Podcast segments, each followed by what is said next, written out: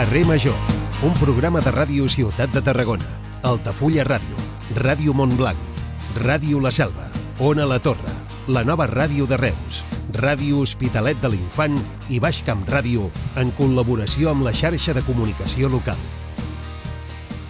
Hola, bona tarda, benvinguts a Carrer Major. Avui que som a les portes de Santa Tecla i la Misericòrdia fem el programa 1122 i aprofitem per dir-vos que el de demà, el 1123, el farem des de Reus, programa especial per la misericòrdia.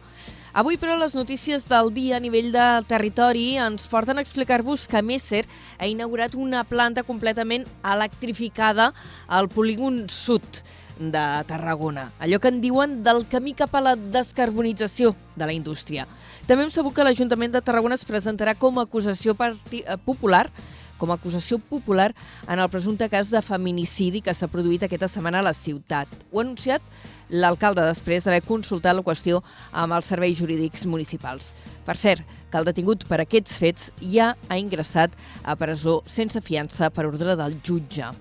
Tot això el mateix dia què el Congrés ja ha aprovat definitivament i per majoria absoluta la reforma del reglament per l'ús del català, l'aranès, el basc i el gallec a la cambra baixa. La Monclou ha celebrat. Ha dit que són patrimoni de tots, aquestes llengües, i que era el moment de fer-ho. Ara bé, ja us dic que si no sortissin els números, no sé què hauria passat. Veieu allò de la importància de les matemàtiques? I tot això l'endemà que històrics dirigents del PSOE, com són el Felipe González i l'Alfonso Guerra, carreguessin durament contra el plantejament de l'amnistia pels líders del procés independentista. Avui, els dirigents actuals del PSOE els han llegit la cartilla i els han qualificat de deslleials perquè diuen que no respecten la majoria del partit. Som Carrer Major, som les emissores del Camp de Tarragona. Us acompanyem des de Ràdio Ciutat, la nova ràdio de Reus, Altafulla Ràdio, Ona la Torre, Ràdio La Selva del Camp, Ràdio L'Hospitalet de l'Infant i des de Ràdio Montblanc. Benvinguts.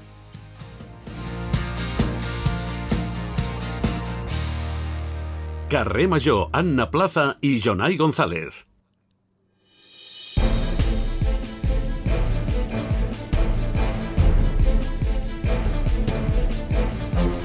Moment ara de repassar en forma de titulars les notícies més destacades de la jornada al Camp de Tarragona. Jonai González, bona tarda.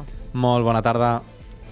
L'empresa Messer ha inaugurat una nova planta de producció de gasos completament electrificada al polígon petroquímic sud, al terme de Vilaseca. La companyia estima que es crearan una vintena de llocs de treballs directes i mig centenar indirectes amb el nou equipament. La central nuclear de Vandellós 2 ha notificat al Consell de Seguretat Nuclear una aturada automàtica de la planta per una incidència a la xarxa elèctrica exterior. Això va ser ahir a la tarda. La incidència a la xarxa elèctrica ha tingut una afectació en el funcionament del generador principal i ha provocat la parada automàtica de la turbina i del reactor. L'Ajuntament de Tarragona es presentarà com a acusació particular contra l'home detingut pel presumpte homicidi de la seva parella a la ciutat. Tot just ahir, el jutjat de violència sobre la dona de Tarragona va decretar l'ingrés a presó sense fiança per al presumpte feminicida que va ser arrestat dilluns, l'endemà dels fets. PortAventura obre una exclusiva atracció de realitat virtual de lliure moviment. La tecnologia digital Zero Latency es desenvolupa en un espai de més de 200 metres quadrats on es recrea un nou món.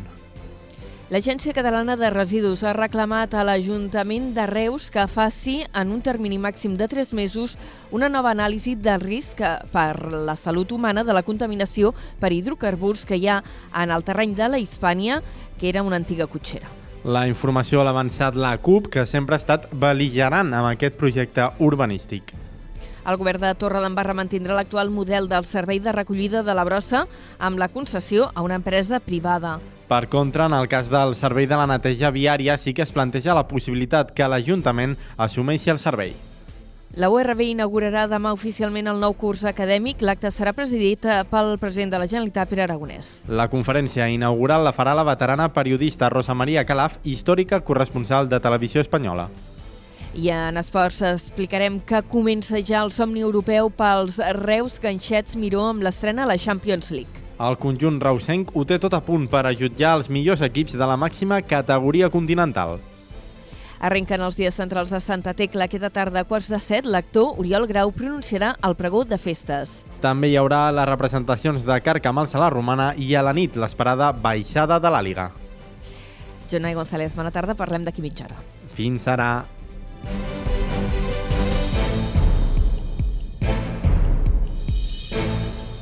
Cada tarda de dilluns a divendres fem parada a Carrer Major.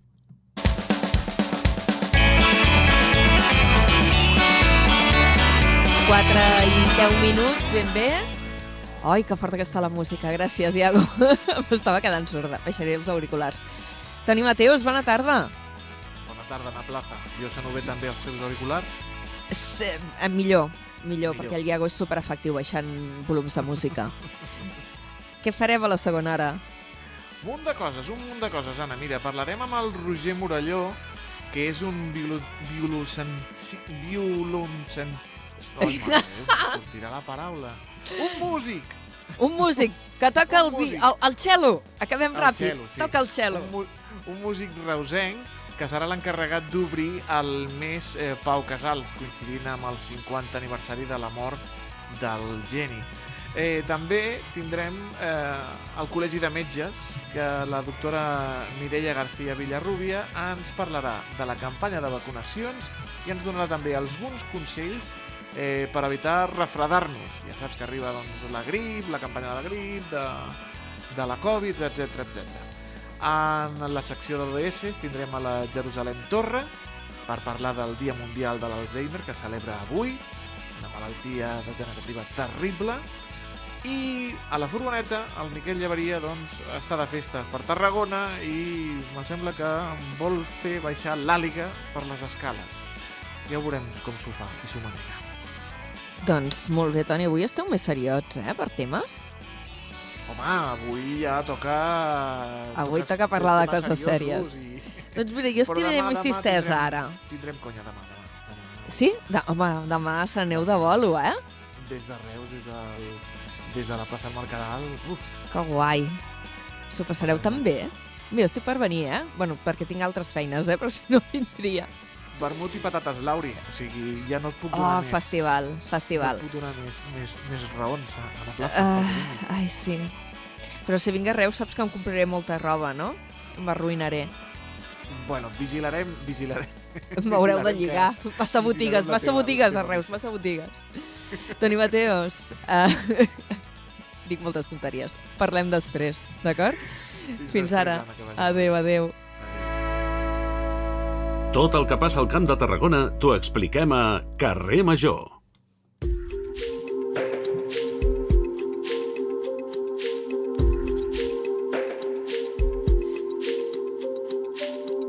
Quan són les eh, 4 i 12 minuts, eh, ens posem a parlar de patrimoni, a parlar de llegat artístic que es conserva a casa nostra i concretament de pintura gòtica. Tot això perquè fa un parell de setmanes, a principis de setembre, es va inaugurar la renovada Pinacoteca Gòtica del Museu Diocesà de Tarragona. Això és a la catedral.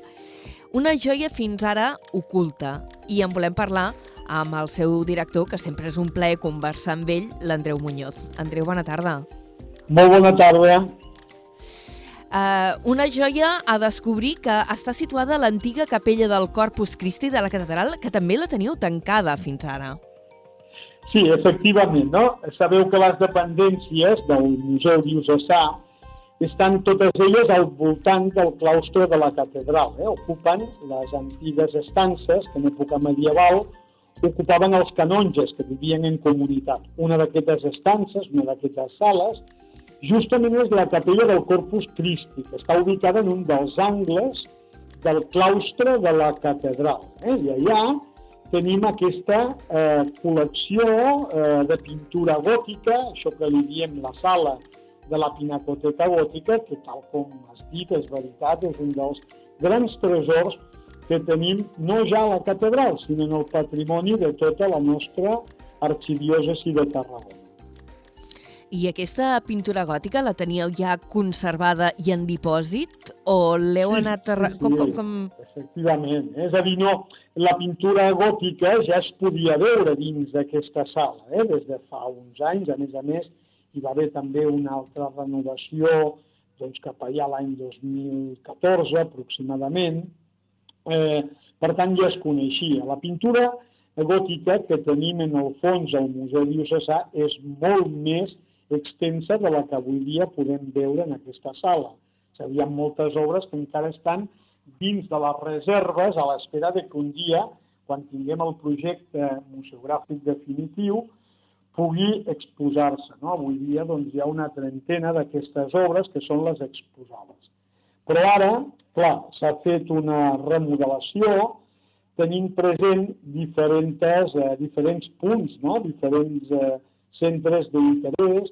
Un d'ells és augmentar, eh, sobretot, clar, la seguretat, el grau de conservació, el propi relat, no? de dotar sobretot de plafons explicatius que ens puguin eh, introduir en l'evolució de la pintura gòtica. I després una cosa que era molt important, la, la pinacoteca tal com la teníem, hi havia tot un conjunt de volums, diguem-ho així, expositius, que eh, emmascaraven aquesta capella del Corpus Christi, que a la vegada té una gran importància històrica. Nosaltres hem d'entendre que el nostre Museu Diocesà, la gran singularitat que té, és que intentem explicar tant el contingut com el continent. I en aquest cas el continent era molt, molt, molt important. Eh?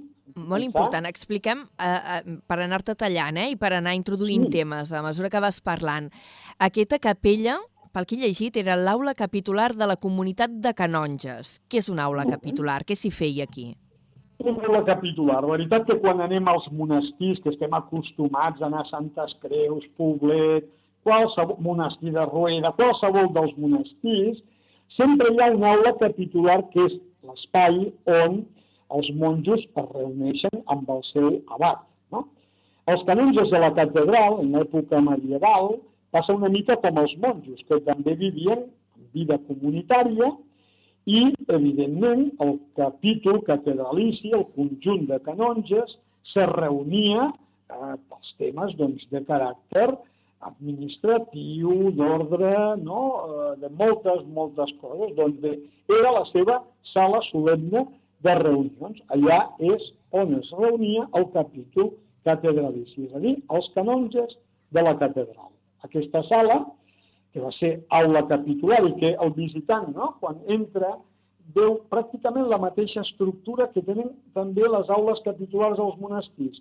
Una gran porta i dues finestres eh, geminades, dobles, que estan a cada costat, eh, és una arquitectura molt bonica. Doncs, mira, l'any, eh, i aquí, en aquesta, en aquesta aula capitular, pensa que se celebraven també els famosos concilis provincials de la Tarraconense, la, Tarracon, la Tarragona, per ser capital seu metropolitana, clar, dinamitzava els concilis amb totes les esglésies que depenien d'ella, que era una província realment molt extensa. Doncs mira, per exemple, un dels grans concilis de la Tarraconense, que es va produir l'any 1312, declarà la innocència dels templers. Per tant, va ser dels pocs espais de la cristiandat on es va declarar la innocència dels templers. És és un espai que ha viscut reunions entre monarques, prínceps, prelats, dignataris, ha tingut una gran importància perquè ha estat un escenari que si ara ens pogués parlar, uh, mare de Déu, coneixeríem no, un munt de detalls sobre la nostra història.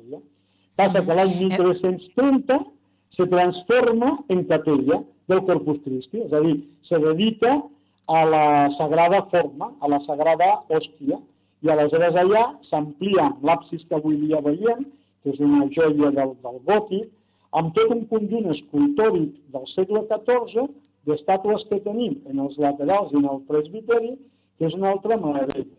Per tant, clar, primer objectiu de la reforma, home, que la gent pugui comprendre la història, la importància artística i que pugui fer una lectura arquitectònica també d'aquesta sala. Eh? Aquest va ser el primer objectiu d'aquesta remodelació.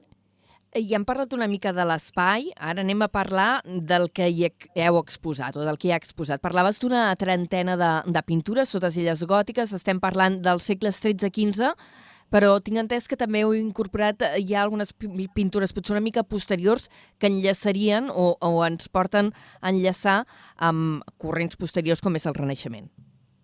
Efectivament, clar, nosaltres ara en aquesta sala representaria, ho has dit molt bé, no? tenim obres pictòriques, les més emblemàtiques, les més potents, des dels segles XIII al XV. Oi? És a dir, ocupa tot el període que nosaltres diem el període del gòtic, que va ser un moment molt important, perquè, clar, la cristiandat, o si volem dir d'aquesta forma, l'Europa occidental, es van produir tota una sèrie de canvis històrics, socials i econòmics, en el que el comerç va ser molt florent. Ja saps que quan hi ha comerç, sigui per via terrestre o per, per via fluvial, no només eh, se desenvolupen uns intercanvis comercials, sinó també unes influències, oi? I aquest gòtic, aquest estil gòtic, que és un estil més humanitzat, si ara tenim en ment, per exemple, no sé, un Crist, Pantòcrator, una Mare de Déu de l'època romànica, són figures més transcendents, no? més hieràtiques, més arcaïtzants, però el gòtic introdueix com un estil en què les figures comencen a tenir una major humanització, no? una reproducció més del naturalisme, del realisme. I aquesta, eh, aquest, eh, eh, aquest art gòtic no evoluciona d'una forma igual ni arreu, ni a més a més es va alimentant d'influències. Val. Per tant, què vol dir? Que tot aquest gòtic inicia un camí marcat per diferents etapes i per diferents influències. La cosa molt bonica que tenim a Tarragona, que també la tenim en altres museus, també en pinacoteques importants, és que aquest recorregut entre el segle XIII i XV ens permet resseguir les diferents influències i etapes que va experimentar la pintura gòtica aquí a Catalunya. Vale? Eh, I aleshores, doncs bé, amb el corpus, com t'ho diria, amb el corpus que hem fet pedagògic, amb els plafons, amb un vídeo, podem anar resseguint totes aquestes etapes i que el públic les pugui entendre. Eh? Perquè això era una, un dèficit que teníem anteriorment. Era molt difícil comprendre l'evolució. Això és molt important per la riquesa, la diversitat de, de temes, la diversitat d'influències que el gòtic ha rebut. I, I aquesta col·lecció de pintures, bueno, aquest, tot, tot aquest seguit de pintures que formen part de la col·lecció del Museu Diocesà, eh, eren mm, pintures que es van fer per la catedral, eren de parròquies, eren de particulars... Com s'ha anat configurant aquesta col·lecció? Aquesta col·lecció, sobretot, es configura a, a finals del segle XIX, no? i sobretot a inicis del segle XX, quan eh, es van produint tota una sèrie d'esdeveniments de, no? eh, històrics que propicien eh, la necessitat de la conservació i de la preservació d'aquestes obres per part de l'Església. Primer perquè hi ha una sacsejada molt forta, sobretot en, el, en això que nosaltres diem el sexeni revolucionari, no?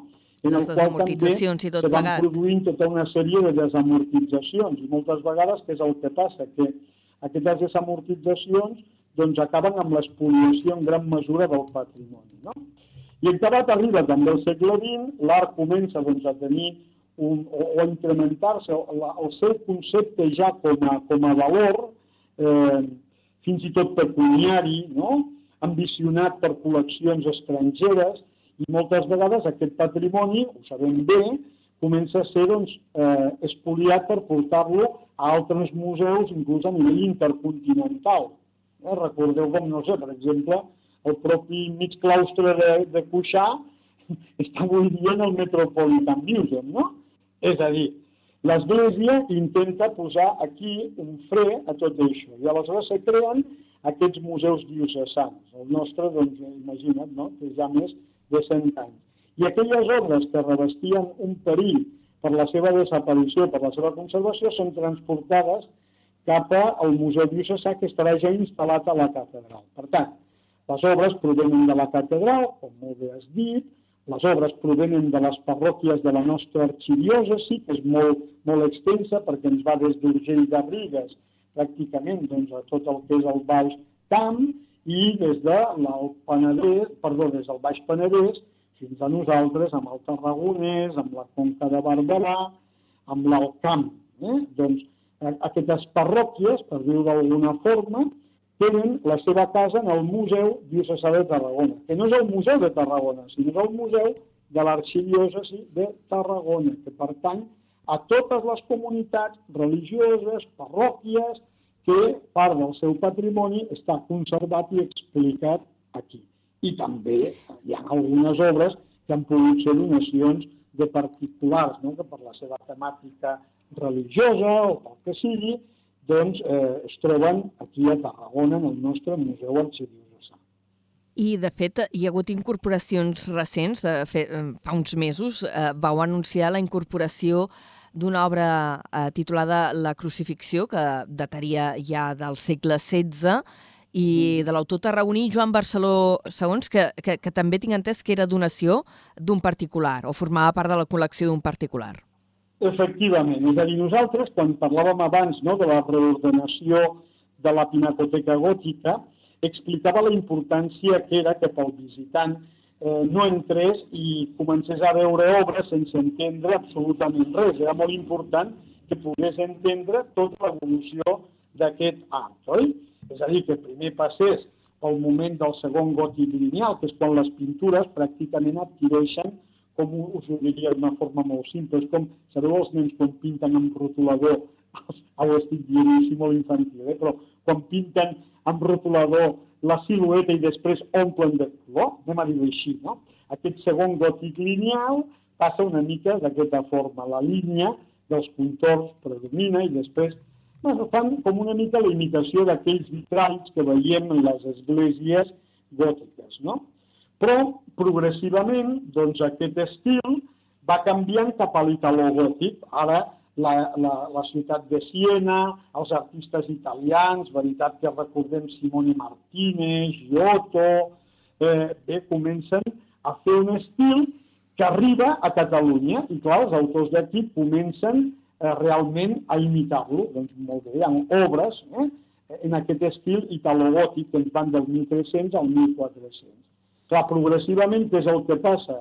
Que Ara, les noves influències que arriben d'Europa, de, que arriben de, del món transalpí, comencen a donar noves obres que tenen una predilecció per reproduir escenes i ambientacions d'un altíssim refinament, reprodueixen vestuaris, tocats, pentinats, li diem això al primer i segon gòtic internacional, eh?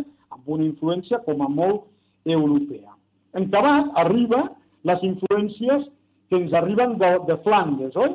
Tots recordem aquest gran autor que és Van Eyck, no? els autors dels germans Van Eyck, en el que es caracteritzen per un detallisme extraordinari no? en les obres, la introducció del paisatge, la perspectiva.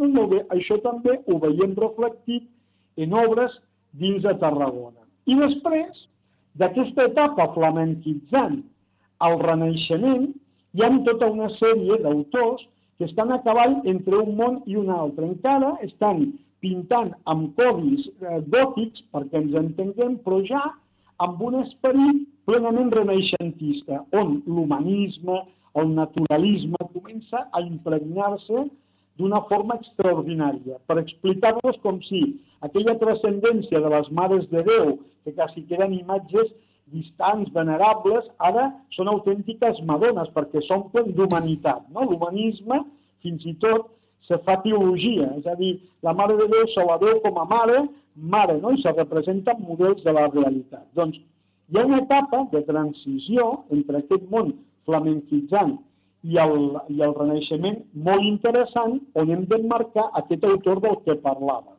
Eh? Mm -hmm. Vam tenir la possibilitat que un mecenes de Barcelona, eh, Joan Artur eh, Roura, que és un home doncs, que tota la seva col·lecció l'està posant a disposició dels museus catalans, ell tenia una crucifixió d'un autor que se li coneixia com el mestre de Castelsardo. Eh? Fins ara no se sabia que aquest autor en realitat era un autor del territori de Tarragona, que ara ja sabem que es diu Joan Barceló II, i aquesta obra que tenim, que s'ha exposat, ja es va presentar, però ara està ja exposada en la Pinacoteca, quan tu veus el Renaixement que està a l'altra sala i el gòtic que la tens en la sala on està aquesta obra, veus que realment aquesta obra juga un nexe d'unió, oi? És a dir, com s'està produint aquesta transició. Aquesta cadena, aquesta anella dins de la cadena, no la teníem. Per això va ser molt important la incorporació d'aquesta obra dintre de la Pinacoteca. I a més, la recomano moltíssim, com totes les obres eh, que tenim aquí, són d'un nivell realment importantíssim. No hi ha un autor vital per comprendre la pintura gòtica que no la tinguem en la Pinacoteca Gòtica de Tarragona. Eh? Perdona que us hagi ara, però és la forma de veure... Hem fet una lliçó d'art, eh? Que el relat ens, ens està fent seguir no? tota l'evolució d'aquesta pintura gòtica catalana. Doncs avui us hem proposat aquesta descoberta del gòtic català que es eh, pot veure al Museu Diocesà aquests dies que hi ha festa a Tarragona i que hi haurà cerimònies i les misses i tot plegat. Eh, podeu anar aprofitar, doncs, entreu pel claustre, aneu al Museu Diocesà, a la capella del Corpus Christi i, i descobriu tota aquesta col·lecció eh, que és una part del nostre patrimoni que moltes vegades no, no és tan coneguda. Uh, Andreu Muñoz, que és el director del Museu Diocesà, et donem les gràcies uh, per haver-nos acompanyat. Per cert, ens han quedat moltíssims temes al tinter, perquè jo tinc moltes coses per preguntar-te, de projectes de futur, i, i per tant t'emplacem un altre dia a parlar, avui hem parlat concretament d'això, a parlar d'altres qüestions. Segur que tindrem temps més endavant. Ja sabeu que sempre estem encantats i a més ens ajudeu molt a aquesta difusió d'un patrimoni que és de tots. Eh? Nosaltres som els marmessors pel patrimoni, és de tota la ciutadania i de tota l'església de Tarragona, per suposat. La divulgació ens agrada.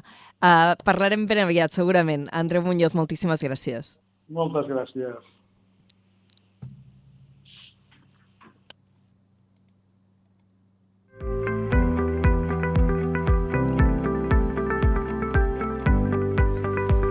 Ara hem estat parlant de patrimoni artístic, d'aquest gòtic que es conserva al Museu Diocesà de la Catedral. Us recomanem moltíssim que hi aneu. I ara anem a parlar d'un altre patrimoni. En aquest cas, patrimoni periodístic. I parlem d'una revista que fa 70 anys, de la revista de Cambrils. Ho fem amb el seu director, amb el Lluís Rovira. Uh, Lluís, bona tarda. Hola, bona tarda. M'atreviria a dir que el de la revista de Cambrils deu ser un cas únic al territori. 70 anys, alguna publicació, tant a banda del Diari de Tarragona, eh? que ha anat canviant de noms al llarg de la història. Hi, hi ha alguna publicació de, tema, de, de l'àmbit cultural que potser té l'arrencada una mica anterior a, a la nostra, però que potser ha tingut una aturada també molt, de molt de temps i encara reprès, etc. Però som de, si de cas sí, som dels, de les més veteranes, per, per no dir gairebé la segona o la tercera més veterana de la demarcació. Sí, sí. Uh, hi heu tingut una parada al llarg d'aquests 70 anys o podeu presumir sí. que heu fet una no, activitat haver, un... ininterrompuda? No, no, hi va haver una aturada d'uns 5 anys, 5-6 anys a, a finals dels 60. És a dir, la revista va començar l'any 53, al setembre, per això aquest mes també ha sigut una mica especial, està sent especial amb la celebració, i eh, l'any 64 es va aturar un any, el 65 es va reprendre durant mig any, es va tornar a aturar i el 71 va reprendre ja seguit fins fins ara. Va tenir uns, uns, uns entrebancs en aquests finals dels anys 60. Uh, volíem parlar amb tu perquè, a més, ara acabeu de, de publicar, acaba de sortir al carrer un número especial que heu fet amb una portada artística. Sí, sí, sí. Doncs, com et deia, que la revista va néixer el setembre de l'any 1953, eh, doncs, a la revista del setembre d'enguany, que és quan se complia el 70è aniversari, l'han vingut preparant amb molt de temps. És a dir, eh, va sorgir la idea i la proposta de poder fer de la portada fer una obra d'art inèdita, eh, marcadament cambrilenca, i vam comptar amb la col·laboració inestimable i impagable, i mai millor dit, el, el, el sentit de la paraula, de, de l'artista local David Callau, un artista molt reconegut ja internacionalment, que eh, tot amb, amb molt d'entusiasme va emprendre doncs, la, la, aquest repte de fer una portada que resumigués el que podia, segons la seva visió, que el que ha sigut el Cambrils d'aquests 70 anys. No? I així vam, aquest, va, vam fer un primer acte a finals de juliol, dia 22 de juliol, un acte públic amb el qual doncs, ell eh, és una, mm, ho ha fet més d'una vegada, començar a fer unes pintures unes pintures murals en directe i això és el que va fer el Parc del Pescador de Cambrils, davant de, es van congregar més de 500 persones amb un acte amb el que ell va anar fent les primeres pinzellades d'un mural que en fact és el que s'ha convertit en la portada i que va estar acompanyat de, doncs, de, de música, dansa, poesia, etc. D'aquest acte eh, segui, va seguir, eh, va completar aquest mural i una portada que no la va ensenyar ningú fins al darrer moment, que és la que aquest mes hem, hem, ha ocupat doncs, la portada i, i a, a part doncs, de, de, del reclam aquest, hi ha hagut, hem, hem adjuntat doncs, eh, amb una làmina especial el mural que va pintar aquell dia, també al, al parc, que va començar a pintar, i a més a més doncs, hi ha uns continguts també força especials i més àmplia amb aquest número d'aquest setembre.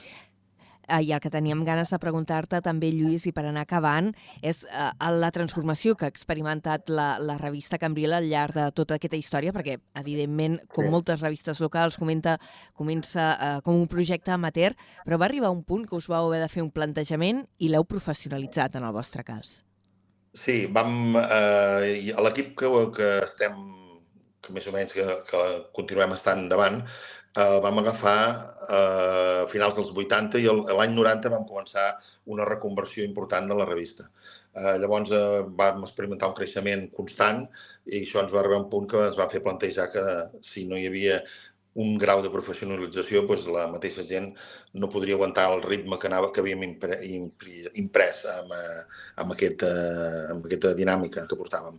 I sí va ser doncs, quan que jo personalment vaig ser la primera persona que ja em vaig incorporar professionalment l'any 2001 i des de llavors vam anar creant una estructura que ha conviscut la, una part professionalitzada amb, amb el, la mateixa estructura d'associació cultural que ja érem, això vol dir que hem compaginat les dues vessants, eh, la part professional per, per poder tractar doncs, eh, el dia a dia, i dic el dia a dia perquè, eh, a més a més, l'any 2006 vam encetar, vam engegar el diari digital, o sigui que portem gairebé 18 anys, ara el gener farà 18 anys, que, de diari digital, que és el que avui en dia, per dir-ho així, ens, ens porta el volum de feina més important per anar... Ja m'ho imagino els set dies de la setmana anar posant doncs, la informació que està passant a Cambrils i tot el que, i, i una mica del voltant.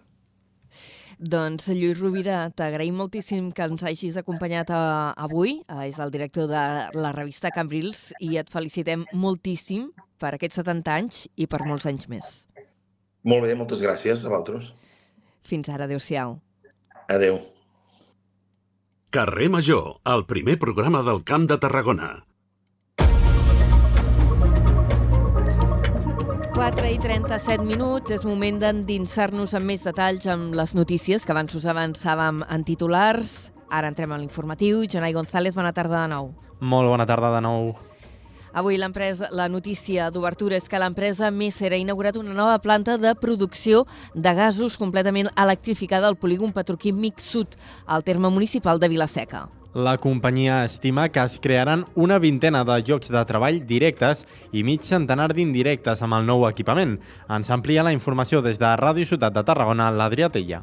L'empresa Messer Ibèrica ha inaugurat aquest dijous una nova planta de producció de gasos destilats de l'aire a les seves instal·lacions de Vilaseca, al complex químic sud de Tarragona.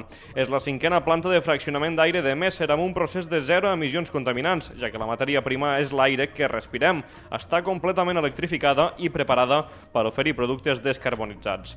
El president de la Generalitat, Pere Aragonès, present en la inauguració, ha parlat del que suposa aquesta nova infraestructura. Posada en marxa d'aquesta planta genera oportunitats des del punt de vista de l'enfortiment de, de la indústria química i, per tant, eh, reforça eh, inversions futures que hi hauran per part d'altres companyies en el, en el doncs, polígon petroquímic de Tarragona. En segon lloc, ajuda a la creació de llocs de treball de qualitat i alinea plenament doncs, el futur d'una de les principals indústries del nostre país amb els objectius que tenim no només des de Catalunya, sinó també amb els Objectius de Desenvolupament Sostenible de Nacions Unides. La companyia preveu crear 20 nous llocs de treball directes i 50 més d'indirectes en aquest equipament. Ha necessitat una inversió total d'uns 60 milions d'euros i permetrà convertir a Messer en el major productor de gasos destilats de l'aire d'arreu de Catalunya. De fet, és l'empresa que garanteix el subministrament d'oxigen i nitrogen de tota la indústria química de Tarragona.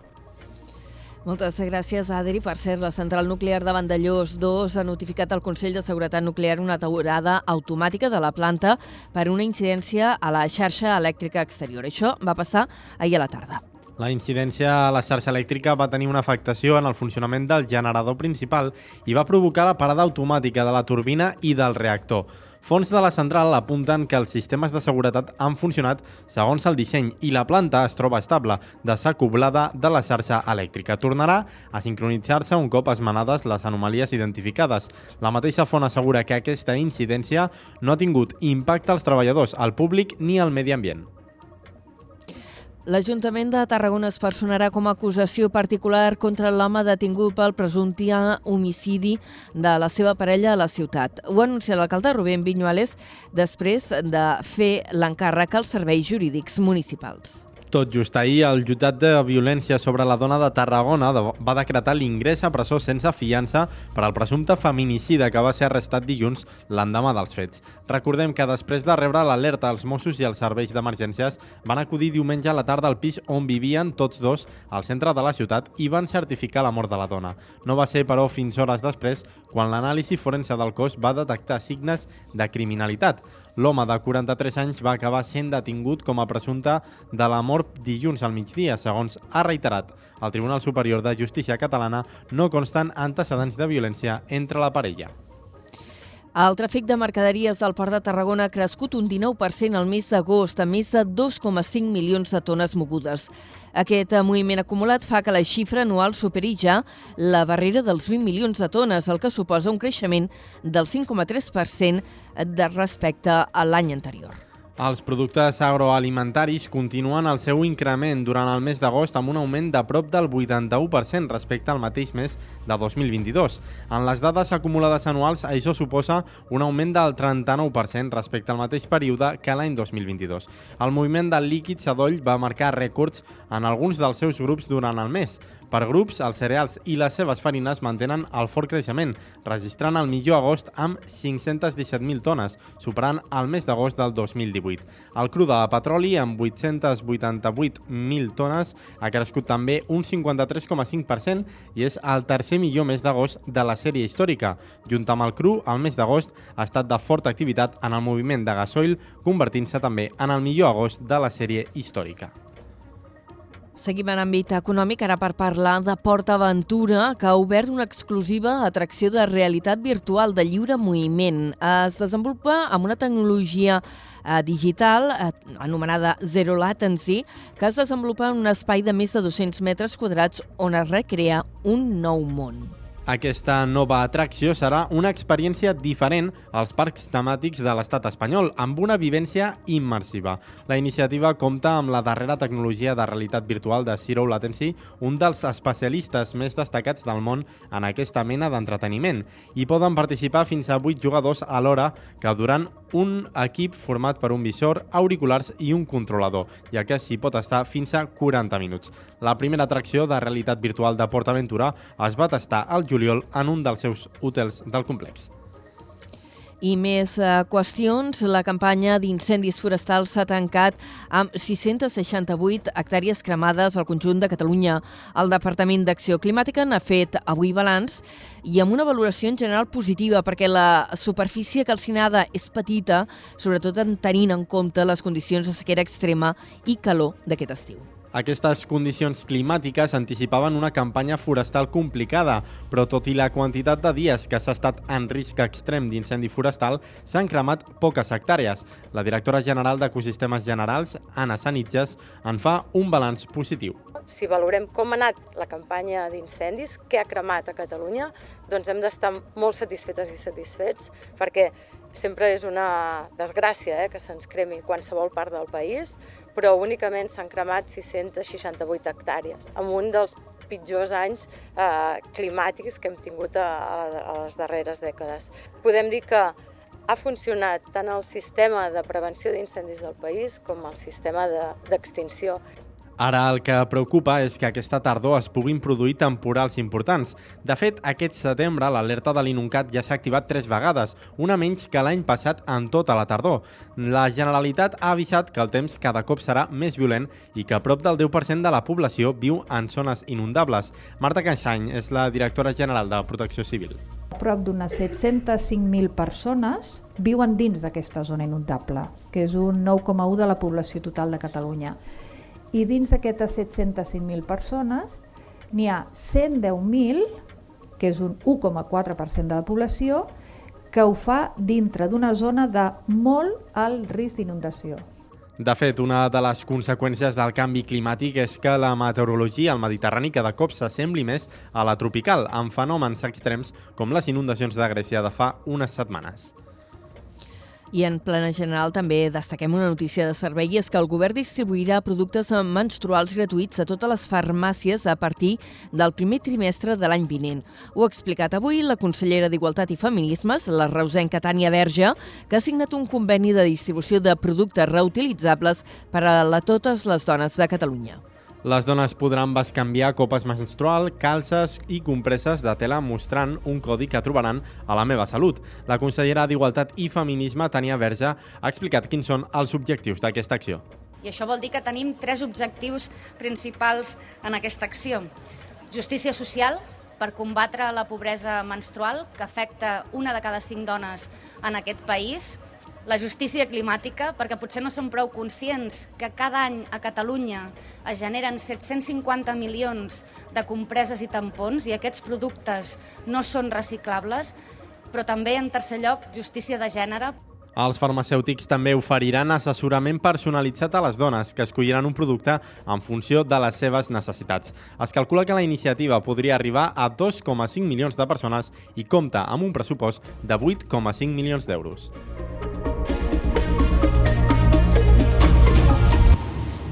Passa un minut de tres quarts de cinc. En plana local continua la polèmica per la urbanització del solar de la Hispània, al centre de Reus. L'Agència Catalana de Residus ha reclamat a l'Ajuntament que faci, en un termini màxim de tres mesos, una nova anàlisi del risc per a la salut humana de la contaminació per hidrocarburs que hi ha en aquest terreny, que era una antiga cotxera. La informació l'ha avançat la CUP, que sempre ha estat beligerant amb aquest projecte urbanístic. De fet, la formació anticapitalista havia interposat una demanda per presumptes irregularitats. L'Agència Catalana de Residus també exigeix al consistori que se supervisi la contaminació a través d'una direcció ambiental d'obra. En la mateixa línia demana que es controli que l'excavació es fa correctament i que els residus es trobin siguin eh, que els residus que es trobin siguin gestionats com cal. Recordem que l'Ajuntament de Reus té previst construir dos blocs de pisos de protecció oficial i un pàrquing subterrani. Les obres es van adjudicar al maig per 23 milions d'euros. I més eh, qüestions. A Tarragona, la sessió d'un solar al Pla Parcial 10, entre Camp Clar i Bona Vista, eh, ja té la llum verda per a la construcció d'habitatges de lloguer social assequible i, i sostenible, segons s'ha informat l'Ajuntament. En total s'hi edificaran 192 pisos. D'aquests 192, un 25% es reservarà a menors de 35 anys i un altre 25% a majors de 65 anys o a persones amb discapacitat. Aquest és un projecte seleccionat pels fons europeus Next Generation, dels quals rebrà 6,9 milions d'euros i que té un pressupost total de més de 28 milions d'euros. Aquest és el pas previ que cal fer perquè les fundacions puguin sol·licitar aquests ajuts i començar a executar el projecte. Està previst que els habitatges es comencin a construir al 2024 i estaran acabats al juny de 2026, tal com estableixen els terminis d'aquests fons Next Generation. Els pisos es jugaran a una base de preu de 6,63 euros actualitzat amb IPC per metre quadrat, un preu evidentment més baix que el preu de mercat, però també més baix que el preu del mòdul màxim de protecció oficial. I per cert que a Tarragona els Mossos d'Esquadra i la Guàrdia Urbana desplegaran aquests dies un dispositiu especial de seguretat en les jornades centrals de Santa Tecla. Es farà incrementant els efectius en aquells punts i hores en què es preveu una major concentració de gent. Anem ara de nou cap a Reus, on el Mercat del Carrilet commemora 40 anys. Per celebrar-ho s'ha preparat una jornada festiva per aquest pròxim dissabte. Ens ho explica des de la nova ràdio de Reus en David Fernández. Després que l'actual govern de Reus hagi assegurat que el mercat del carrilet no canvia d'ubicació, els paradistes i l'Ajuntament celebren el 40è aniversari amb el lema Seguim, com si es tractés d'un renaixement, tal com han dit. La jornada central de l'aniversari s'havia de celebrar per la Festa Major de Sant Pere, però finalment es farà aquesta setmana per les Festes de Misericòrdia. Així doncs, aquest pròxim dissabte, el Mercat del Carrilet es vestirà de gala per celebrar els 40 anys com si d'una festa major es tractés. L'acte central arrencarà a les 12 del migdia i tot seguit hi haurà una fideuada popular amb la presència dels nanos de Reus i d'altres elements festius d'associacions del sud de la ciutat.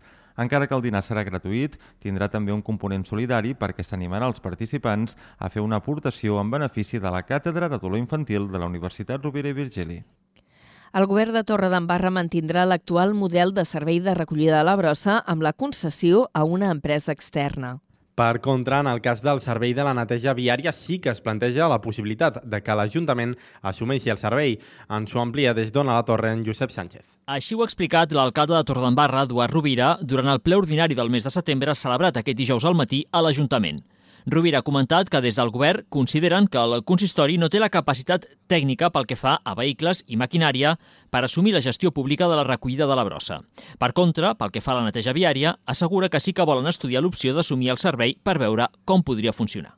Pel que fa a la neteja viària és un altre problema, amb una altra situació sortida d'un altre contracte i que estem estudiant la manera d'optimitzar mm, els recursos, sigui a través d'un nou contracte o sigui a través de l'assumpció eh, de les feines de neteja per part de l'Ajuntament, encara que sigui d'una manera provisional per fer la, la valoració de si som capaços o no de fer-ho. L'alcalde de Torredembarra ho ha explicat durant el debat de la moció que ha presentat la CUP per demanar que es faci una consulta ciutadana sobre si es volen municipalitzar aquests serveis i que ha estat rebutjada. Tampoc s'ha aprovat el text que havia presentat el Partit Popular en contra de l'aprovació d'una llei d'amnistia. I al costat de Torredembarra, a Altafulla, la remodelació del carrer de Dalt començarà al desembre i s'allargarà mig any. El cost serà d'uns 700.000 euros i es vol que esdevingui una illa de vianants amb accés limitat a vehicles comercials i de veïns. Ens dona més detalls des d'Altafulla Ràdio amb Pau Corbalan. El proper desembre comencen les obres del carrer de Dalt d'Altafulla, unes obres que porten temps anunciant-se. La idea és fer que aquest carrer sigui més amable a la població, donant preferència als vianants i obligant els vehicles a agafar rutes alternatives per entrar a la Vila Closa. L'actuació seguirà l'estètica d'un carrer annex. Alba Montades, coalcaldessa d'Altafulla. El que es farà és una remodelació des d'aquesta cruïlla que tenim aquí darrere, tot el carrer fins a dalt de tot, i també el tram de carrer de l'Hostal, que queda entre el carrer de Dalt i Martí d'Ardenya adaptant la, la Vila Closa a, en aquest disseny més, més amable per, a, per als peatons. Les obres tindran un cost de 700.000 euros que seran sufragats en part per la subvenció d'un pla d'acció municipal de la Diputació de Tarragona amb uns 400.000 euros i la resta, uns 300.000 euros, sortirà del pressupost municipal. Les obres han de començar abans de finals d'any per rebre l'aportació supramunicipal. Tancarem aquest bloc de l'informatiu fent una prèvia, eh, i és que demà la Universitat Rovira i Virgili enceta eh, la temporada, el curs nou, eh, es farà la inauguració oficial del curs i es comptarà amb l'assistència del president de la Generalitat, en Pere Aragonès. L'acte tindrà lloc a l'Aula Magna del Campus Catalunya a les 12 del migdia. La lliçó inaugural anirà a càrrec de la periodista Rosa Maria Calaf, qui va desenvolupar la seva carrera a Radio Televisió Espanyola com a corresponsal a Nova York, Moscou o Buenos Aires i també va ser membre de l'equip fundador de Televisió de Catalunya. Durant l'acte, el president de la Generalitat i el conseller de Recerca i Universitats, Joaquim Nadal i Ferreres, lliuraran les distincions Jaume Vicenç Vives a la qualitat docent universitària.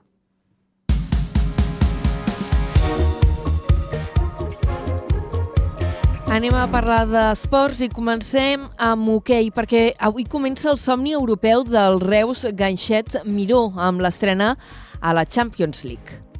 El conjunt reusenc ho té tot a punt per a jutjar els millors equips de la màxima categoria continental. Ens informa des de la nova ràdio de Reus, l'Aleix Pérez. El Reus Ganxets Miró es prepara per viure tres dies històrics per l'entitat. El club reusenc acull per primera vegada a la història del tenis taula femení la màxima competició europea. El dijous, divendres i dissabte s'aplegaran a Reus algunes de les millors jugadores del continent. Les rivals del grup seran el Panathinaikos grec, el Hodonin txec, el gran quevillir francès i un vell conegut, el Guirbau Vic.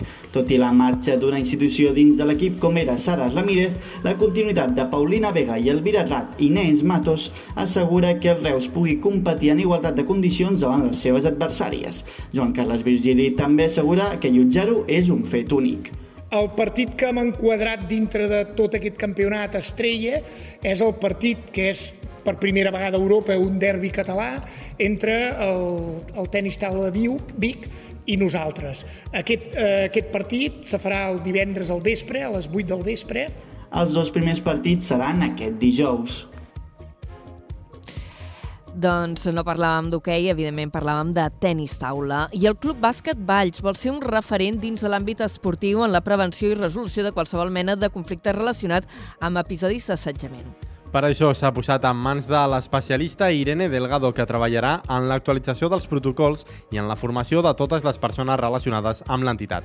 Des de Ràdio Ciutat de Valls, David Prats. En aquest sentit, i com a part del conjunt d'accions previstes, el dilluns 25 de setembre s'impartirà una formació de caràcter obligatòria per a tot el personal tècnic del club. En aquesta formació es donaran pautes per actuar davant de qualsevol episodi d'assetjament i eines de com fer-hi front. La mateixa Irene Delgado destaca que aquests cursos tenen un impacte beneficiós beneficiós per als clubs. Té un impacte a nivell d'equip, a nivell individual dels propis esportistes i a nivell de club en general. Eh, hi ha uns beneficis i això queda reflectit a l'hora de jugar, d'entrenar, de mm, tindre un desenvolupament eh, esportiu i, i un desenvolupament eh, social. Durant l'activitat es tractaran les diferents tipologies d'assetjament i també les parts implicades. Es treballarà la relació amb les famílies dels esportistes dels equips base, els membres del club i les possibles terceres terceres persones implicades. S'estudiaran mesures de prevenció i sistemes de detecció, així com les mesures correctores a aplicar. Es posarà l'accent en el paper dels entrenadors i entrenadores i també en com ha de canalitzar-se la comunicació interna i externa del club.